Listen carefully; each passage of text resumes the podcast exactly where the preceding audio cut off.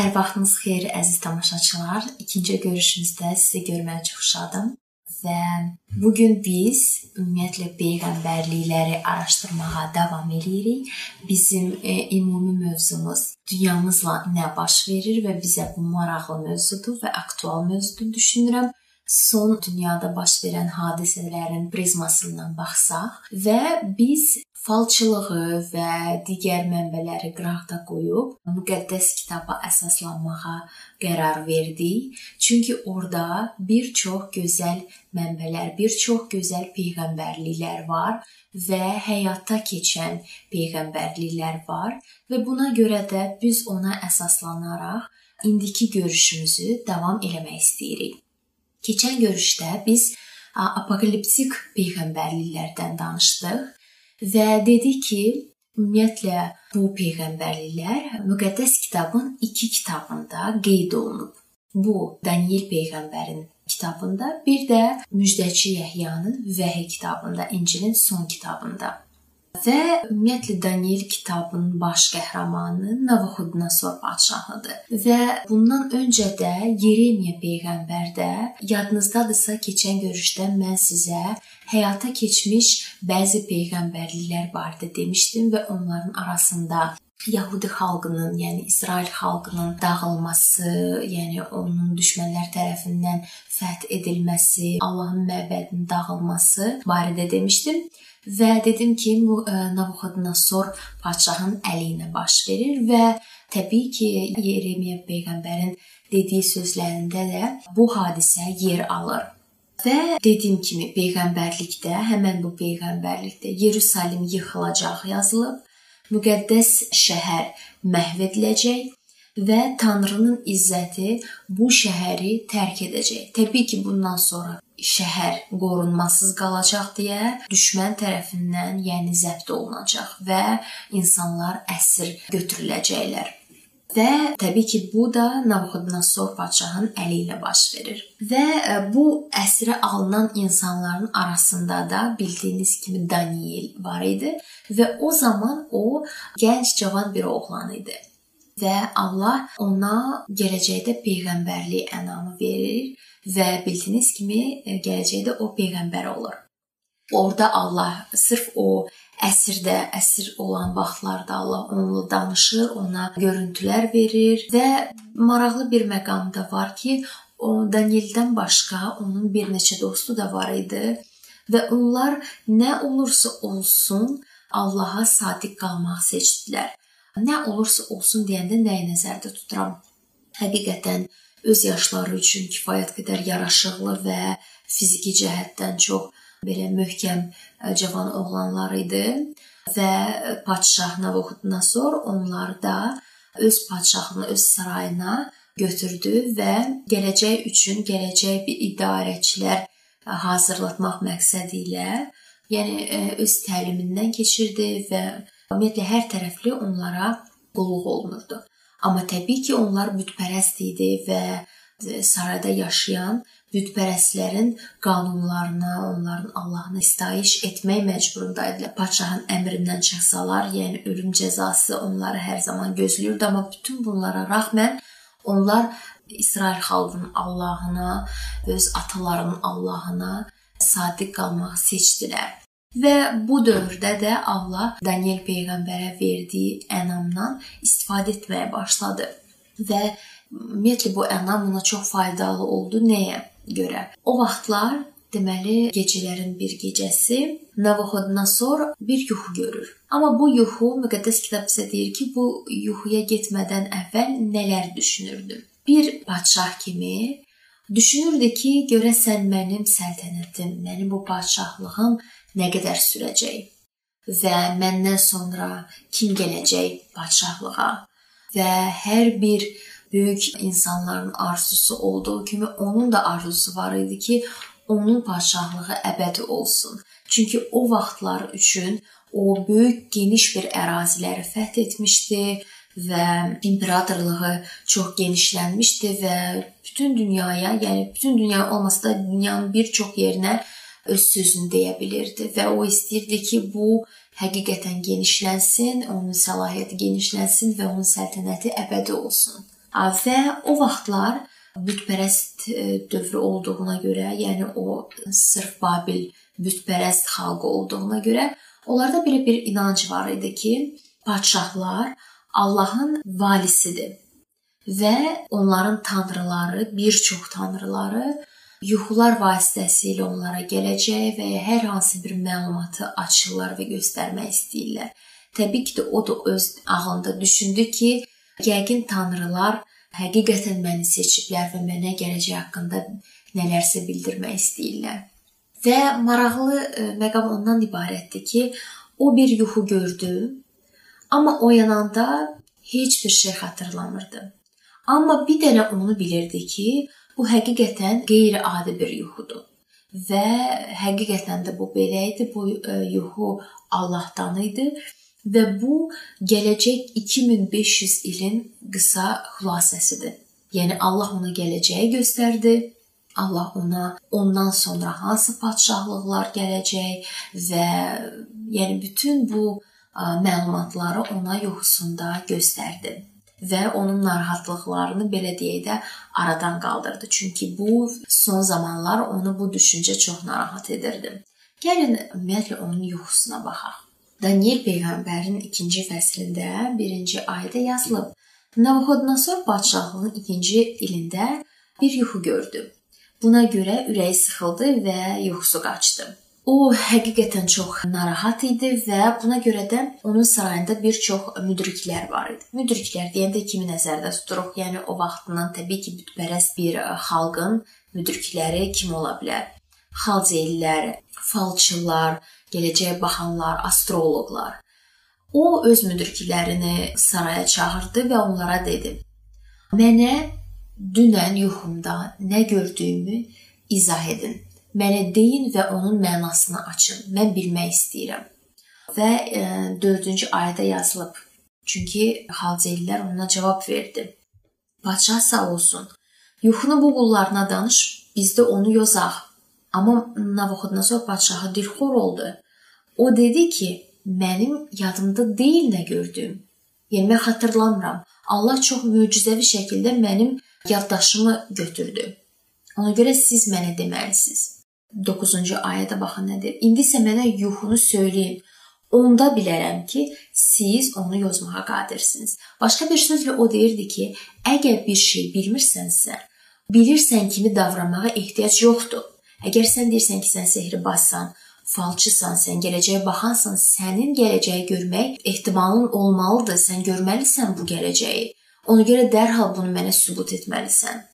Və xalcelilər narahat olub etiraz etməyə başladılar. Baxın yazılır 10-cu ayədə.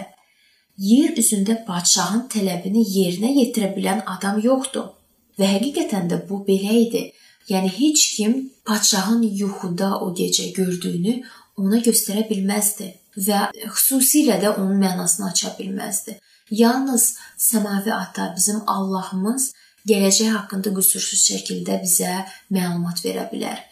Və təbii ki, padşah çox sinirləndi, çox əsəbləşdi və o əmr verdi ki, bütün xalcelilər, yəni onun müdriklərini öldürsün. Və Daniel peyğəmbər də o astroloq deyildi, cadugar deyildi, amma müdriklərindən biri idi o da və eşidəndə ki, o da öldürüləcək, səbəbini bilmək istədi. Ona təbii ki, izah elədilər əhvalatı və o qərar verdi ki, padşahın yanına getsin və o padşahın yanına getdi və baxın nə baş verdi. O padşahın yanına gəldi, dedi: "Padşah, Mənə vaxt ver və mən gedim dua eləyim və Allahdan istəyim ki, sənin o gecə yuxuda nə gördüyünü mənə göstərsin. O mənə göstərəcək və mən də gəlib sənə izah edəcəm. Və elə də oldu. Həmin gecə Danielin duası nəticəsində Allah ona görüntü göstərdi və yuxunun mənasını açdı. Əziz dostlar, həqiqətən Allah dualara cavab verən Allahdır. Baxın, kiçik bir hissəsini, duanın bir hissəsini sizə oxuyacağam. 23-cü ayədə yazır: Ey atalarımın Allahı, sənə şükür və həmd olsun ki, mənə hikmət və qüdrət verdin. Allaha izzət vermək nə dərəcədə vacib bir şeydir. Və sonra Daniel padşahın yanına gəldi, dedi ki, Sehrbazların, cadugərlərin, xalcellərin yuxunu izah etməməyi doğru olsa da, baxın 28-ci ayədə yazılıb. Ancaq göylərdə sirləri açan bir Allah var və gələcəkdə nə olacağını padşah Navuxuddan sonra o bildirdi. Həqiqətən çox maraqlıdır və mənə də sizin kimi maraqlıdır ki, görəsən Navuxuddan yuxuda nə gördü və təbii ki, onun mənası nədir? Gəlin baxaq yuxuya. Bu yuxu ümumiyyətlə Daniel peyğəmbərin 2-ci fəslində 31-ci ayədən başlayaraq yazılıb. Ey padşah, sən yuxuda böyük bir heykəl görmüsən. Nəhəng və çox parlaq olan bu heykəl sənin önündə dururdu. Onun görünüşü qorxunc idi.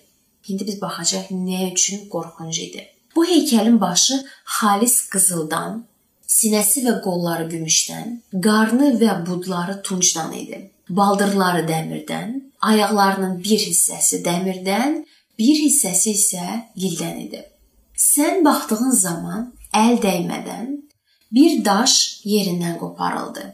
Heykəlin dəmir və gil ayaqlarından vurub onları parça-parça etdi. O zaman dəmir, gil, tunç, gümüş və qızıl birlikdə parçalandı və yay xırmanlarındakı saman çöpü kimi sovruldu. Külək onları apardı və onlardan əsər əlamət qalmadı. Heykəli dağıdan daş isə böyük bir dağ oldu və bütün dünyanı tutdu. Həqiqətən görürsüz dostlar, bu çox qeyri-adi bir yuxudur. Əslində mən dediyim kimi, bu gələcək haqqında bir yuxudur. Elə bil 2500 ilin qısa xülasəsidir. Yəni Allah Navuxudundan sonra gələcək padşahlıqlar barədə çox gözəl peyğəmbərliyi verdi. Gəlin ümumiyyətlə baxaq yuxunun mənasına. Ümumiyyətlə necə yozur Daniel peyğəmbər bunu? Yuxu budur, indi isə padşahın onun önündə onu yozaq. 37 və 38-ci ayədə yazılır. Ey padşah, sən şahənşahsan. Qızıl baş sənsən. Yəni biz e, yadımızdadırsa, bütün başı qızıl idi. Yəni bu heykəlin başı qızıl qızıldan idi. Və nəyə görə? qızıl ümumiyyətlə Navuxodnoson, yəni Babil padşahlığının rəmzi idi. Gəlin baxaq. Ümumiyyətlə Navuxodnosorun padşahlığı eramızdan əvvəl 605-ci ildən 539-cu ilə qədər dünyanı idarə edirdi və o zaman üçün ümumiyyətlə bu padşahlıq çox nağılvari bir padşahlıq idi. Onun padşahlığı bütün, yəni ki, bol qızıl ilə bəzədilmişdi. Babil o zamanlar çox varlı bir padşahlıq idi həm görünüş baxımından çox gözəl idi və asma bağları da var idi orada və bəlkə yadınızdadırsa, qədimi dünyanın Semiramida adlı asma bağları da orada yerləşirdi. Və şəhərin ortasında Belmarduka aid böyük bir məbəd var idi. Təbii ki, bütpərəst bir məbəd idi. Onun hündürlüyü 91 metr idi və ümumiyyətlə şəhər özü isə perimetri 16 e, kilometrdir. Bu həqiqətən çox böyük bir şəhər idi. Çünki müqayisədə məsəl üçün Roma cəmi 9.5 kilometr idi perimetrdə, Afina isə daha da az 6.5 kilometr. Yəni müqayisədə görürsüz, yəni böyüklüyünü, möhtəşəmliyini. Və dediyim kimi ortada bu Belmarduka aid məbəd Marduk məbədi yerləşirdi və bu məbədin çölü göy şüşə plitələrdən bəzədilmişdi. İçi isə bol belə təmiz qızıldan bəzədilmişdi və yalnız bu məbədi bəzəmək üçün Navuxudnosor 18 ton qızıldan istifadə etmişdi. İndi təsəvvür edirsiniz nəyə görə Allah Navuxudnosorun padşahlığını rəmz etmək üçün, onu göstərmək üçün nədən qızıl simvolundan istifadə edir. Və bu şəhərin, bu padşahlığın belə deyək də Allahı, oranın əsas Allahı Belmarduk idi. O da qızıl bir büt idi. Təsəvvür edin ki, qızıl qurbangahın önündə qızıl çırağın yanında, qızıl taxtın üstündə qızıl bir büt oturub. Yəni biz indi görürük nəyə görə? Allah dedi ki, sən şahənşahsan, qızıl baş sənsən. Bu aydın olur. Və yalnız bu belə deyək də bu bütü düzəltmək üçün bu qızıl mehrab və ona aid bütün bu bu Allaha öz tanrına aid hər şey düzəltmək üçün 8 yarım ton qızıldan istifadə olunub və bu həqiqətən çox möhtəşəm bir görüntüdür qıraqdan və amma peyğəmbərlik davam eləyir. Yazır ki, sinəsi və qolları gümüşdən idi. Bu ümumiyyətlə Nabukodonasora bir xəbərdarlıq idi ki, təbii ki, yəni sən istəyərdin ki, sənin bu səltənətin əbədi davam eləsin, amma səndən sonra başqa bir padşahlıq gələcək və sənin səltənətin əbədi sürməyəcək. Dediyim kimi 39-cu ayədə oxuyuruq ki, səndən sonra başqa bir padşahlıq qalxacaq. Müqəddəs kitabın peyğəmbərliyi ümumiyyətlə xəbər etdi ki, Babilin hökmranlığı əbədi sürməyəcək və ondan sonra bir padşahlıq qalxacaq və tarix bunun necə həyata keçməsini göstərir. Bir çox illər keçdi və Daniel peyğəmbər artıq yaşlı idi və onun həyatının vaxtında, onun yaşadığı vaxtında, onun dövründə bu peyğəmbərlik həyata keçməyə başladı. Və o zamanda artıq yəni Navoxodnosor padşahı yox idi, amma onun nəvəsi Belşassar padşahlığı idarə edirdi. Və təbii ki, bildiyimiz kimi məbəd dağılmışdı və bu məbədi onlar bütpərəstlər çox iyrənc bir formada istifadə eləyirdi. İçki və pozğunluq baş alıb gedirdi bu məbəddə və həmin elə bir günlərdən birində Allah Belşassarın bayramını kəsdi və solğun bir əl divarda belə bir sözləri yazdı. Mene Tegel Peres.